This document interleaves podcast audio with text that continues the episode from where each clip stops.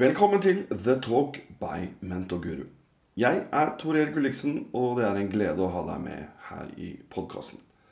I denne podkasten så utforsker jeg en rekke emner fra dypdykk inn i mentoring, coaching og personlig utvikling til inspirerende samtaler med spennende gjester. Så uansett om du er en nysgjerrig sjel, en lidenskapelig lærd, eller bare leter etter litt underholdning, så er du på rett sted. Gjennom hver episode vil jeg dele innsiktsfulle tanker, verktøy dere kan bruke, og engasjerende historier. Jeg tror nemlig at kunnskap og innsikt kan komme fra mange kilder, og mitt mål er å berike dine tanker mens vi utforsker verden sammen. Før jeg starter, husk å abonnere på podkasten, så går du aldri glipp av en ny episode. Så uten videre La oss dykke inn i dagens tema og begynne reisen med The Talk by Mentorguru.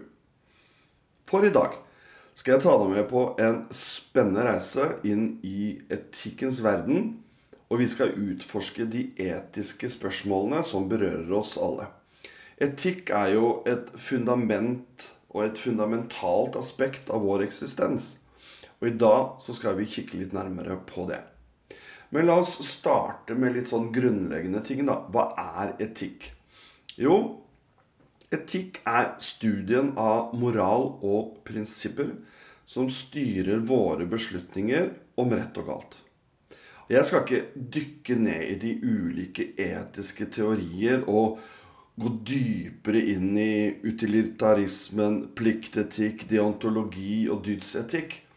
Det er teoriene som gir rammeverket for å forstå hva som er etisk riktig i ulike situasjoner. Men denne podkasten tar jo for seg ulike temaer innenfor mentoring og coaching. Og det er det som er fokuset vårt.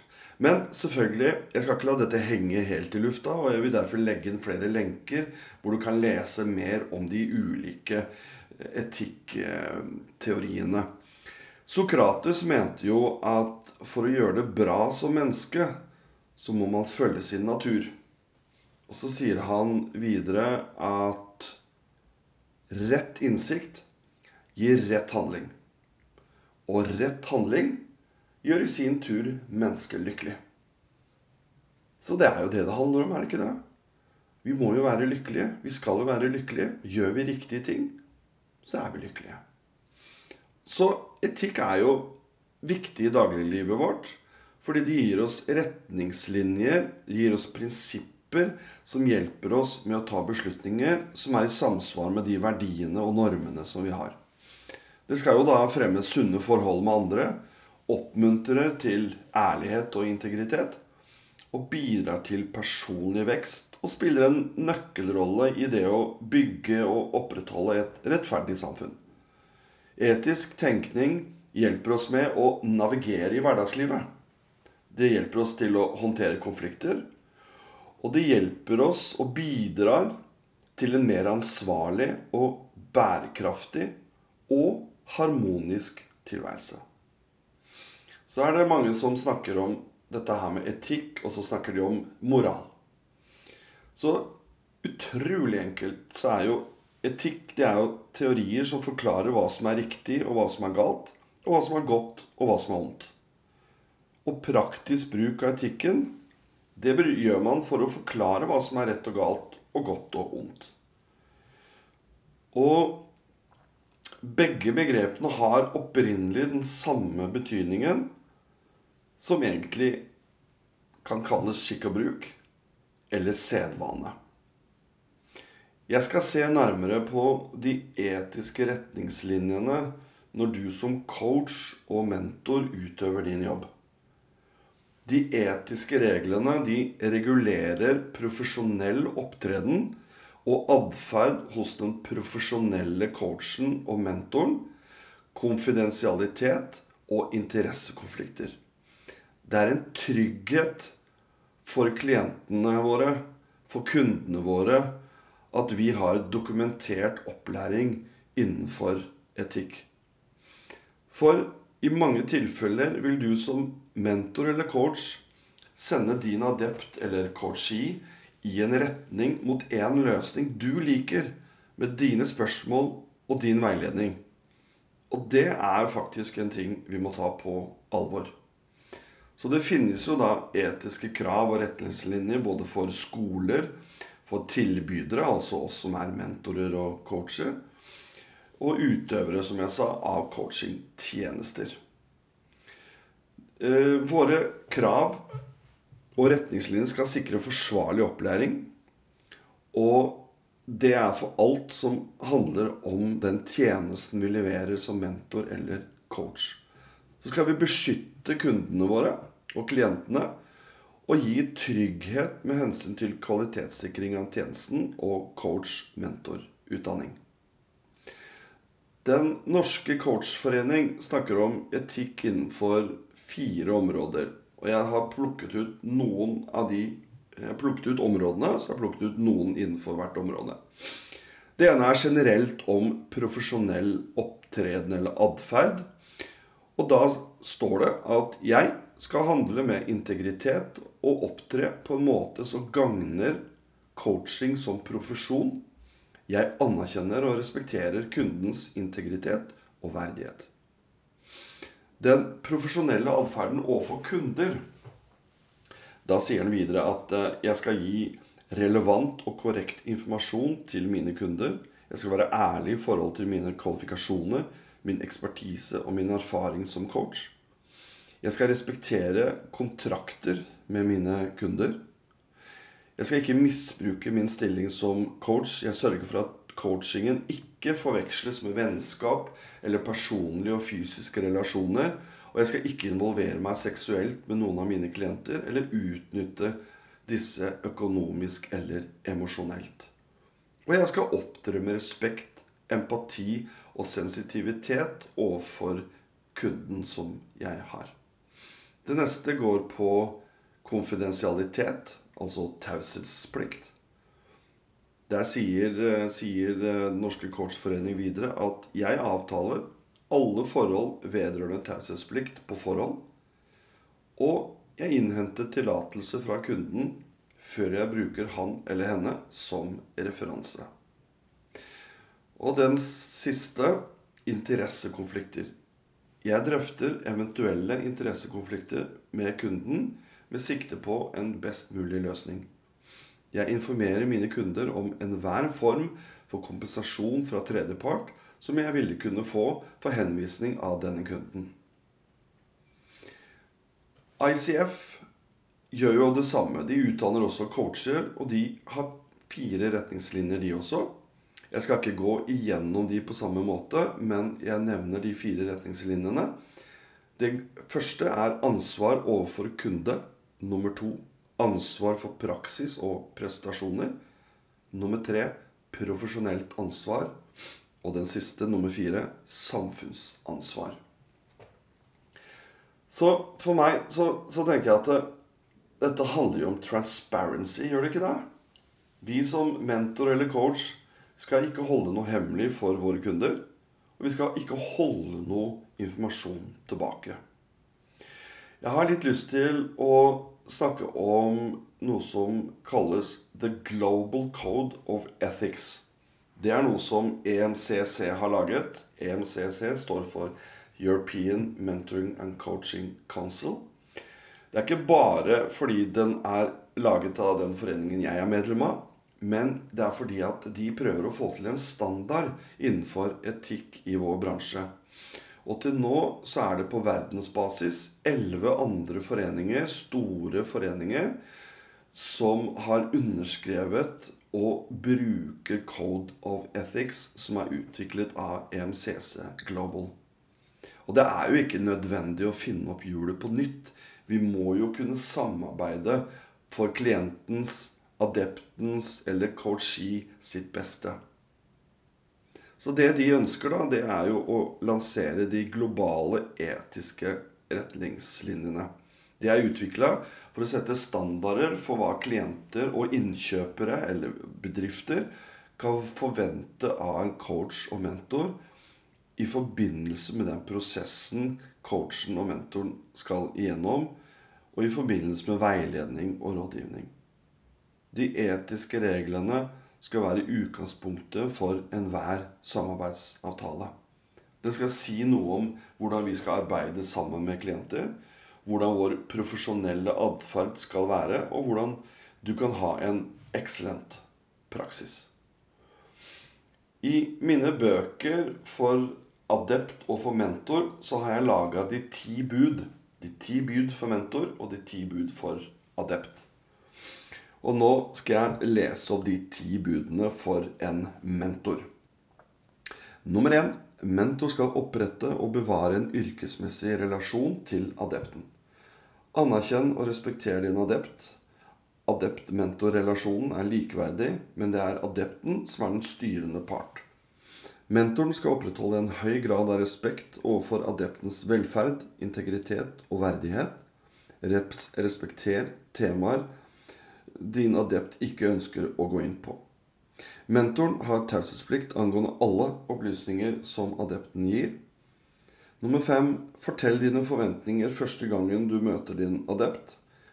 Mentor må kontinuerlig søke å utvikle sin faglige kunnskap, slik at han eller hun hele tiden blir bedre i stand til å oppdage og analysere de problemene og utfordringene som han står overfor i samtale med adepten.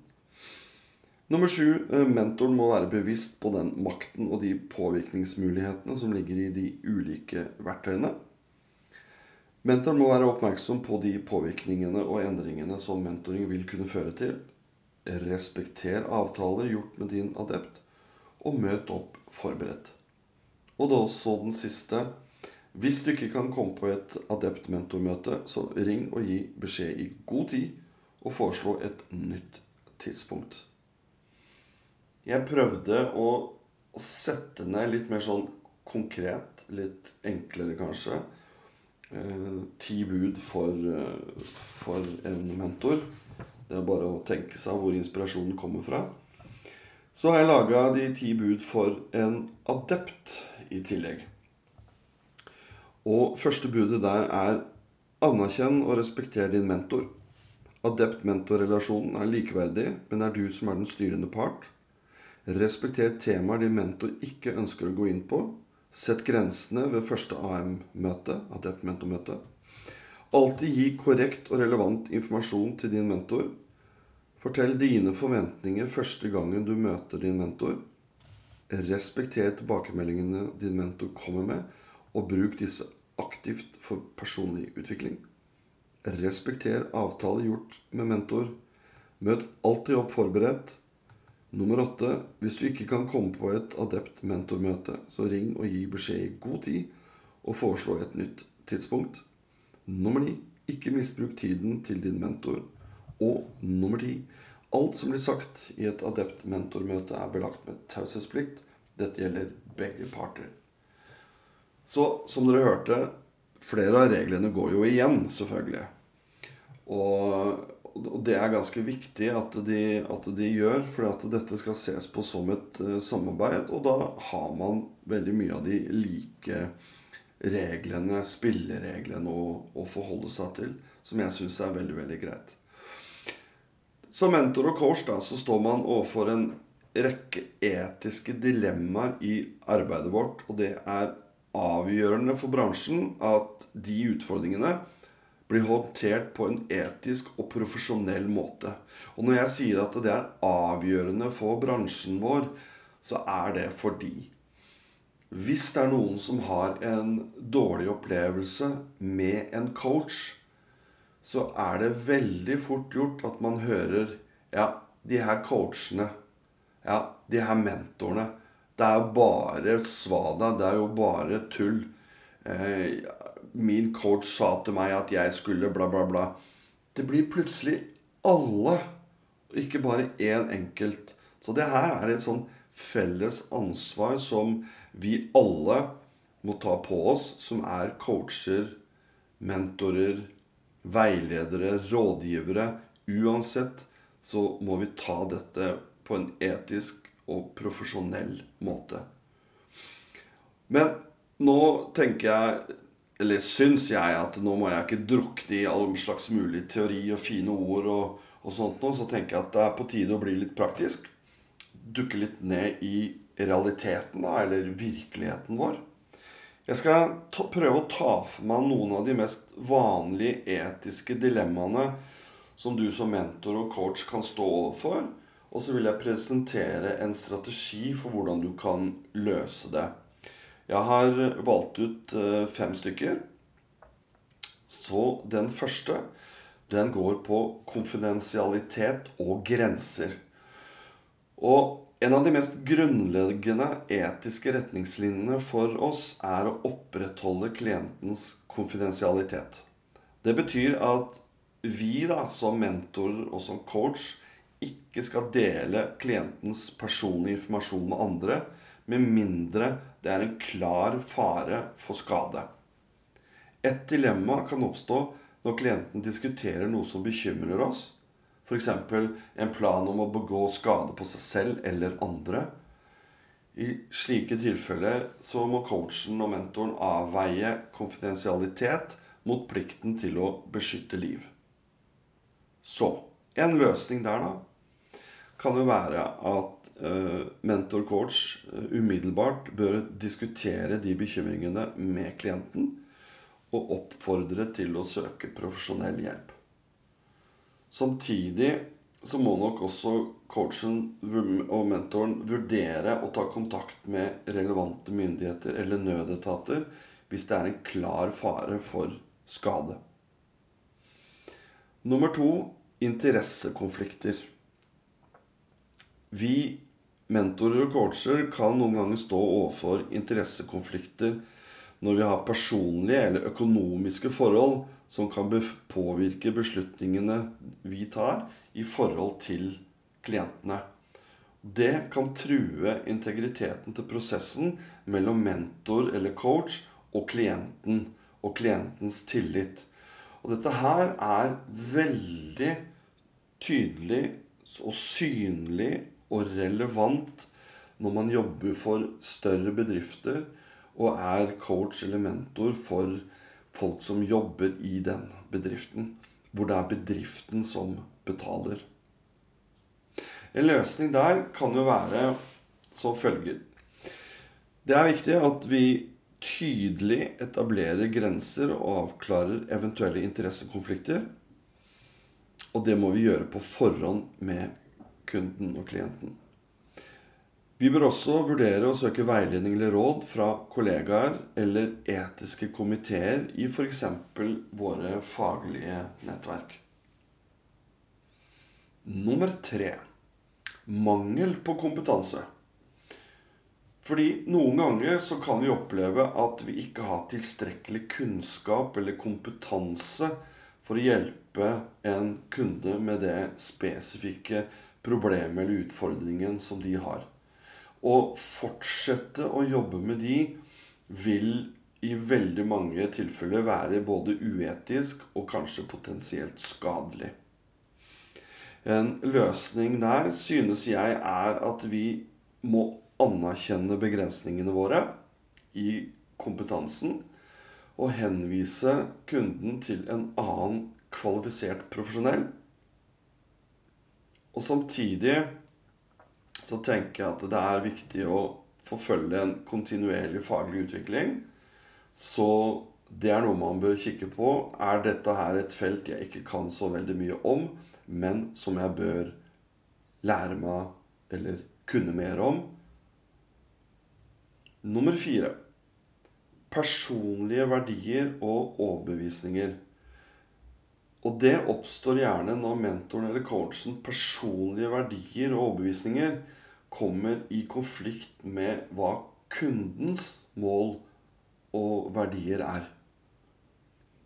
Og da må vi kunne sette de, våre personlige synspunkter til siden for vi skal være der for klienten uansett. Jeg vet at dette er veldig vanskelig. Fordi det er vanskelig å gå på tvers av våre verdier og overbevisninger.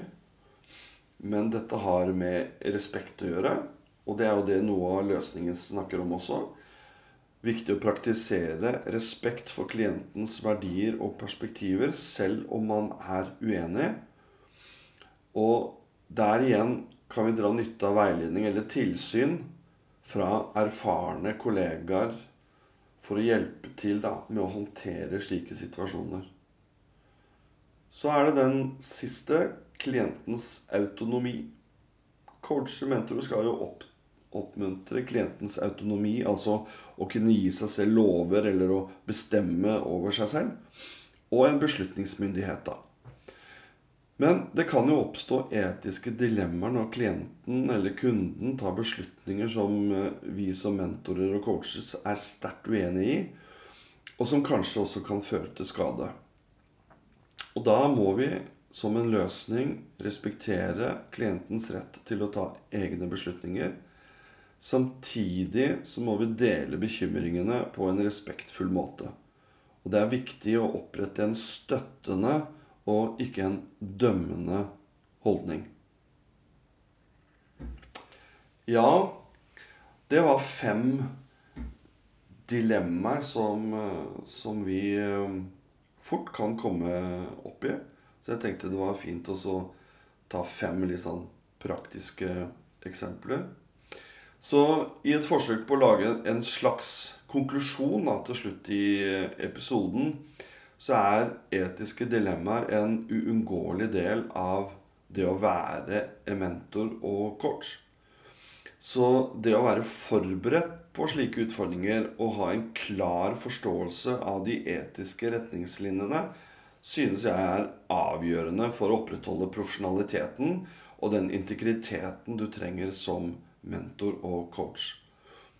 Alle i bransjen, alle mentorer, alle coacher, veiledere, rådgivere, uansett hva du kaller det, besøke veiledning, besøke å være med på kontinuerlig faglig utvikling og være villig til å reflektere over og forbedre sin egen praksis for å møte de her dilemmaene som man, som man hele tiden gjør, på en etisk måte. Og det å bruke det faglige nettverket er veldig viktig. Og det å ha et sånt i ryggen er veldig viktig. Og når jeg snakker om et faglig nettverk, så er det sånn som f.eks. Den norske coachforening, Norsk forening for coaching og NLP, ICF, altså International Coaching Federation, eller EMCC Norge, European Mentoring and Coaching Council Norge. Det er sånne faglige nettverk som det er utrolig viktig for deg å ha i bakgrunnen og ha i ryggen. Fordi at det å være coach og mentor kan være et ensomt yrke. Du kan uh, kanskje være helt alene i firmaet og, og, tilby dette her. Det å ha noen å snakke med er utrolig viktig. Jeg vil legge inn lenke til alle de foreningene jeg nevnte. Jeg vil legge inn lenker til ulike um, teorier innenfor etikk. Alt dette legger jeg på min uh, side mentorguru.info. Jeg syns det har vært en eh, spennende reise gjennom verden av etikk i dag. Vi har sett at eh, etikk, det er ikke bare teori. Det er eh, en kraft, viktig kraft, som former samfunnet våre, våre personlige liv og til og med vårt arbeid. Så takk for at du har delt din tid med oss på The Talk by Mentorguru. Hvis du likte denne episoden, håper jeg at du abonnerer gir en tilbakemelding til, eh, meg og deler med venner, familie og kollegaer. Så la oss alle fortsette å utforske de viktige etiske spørsmålene som preger vår verden, til vi høres i neste episode.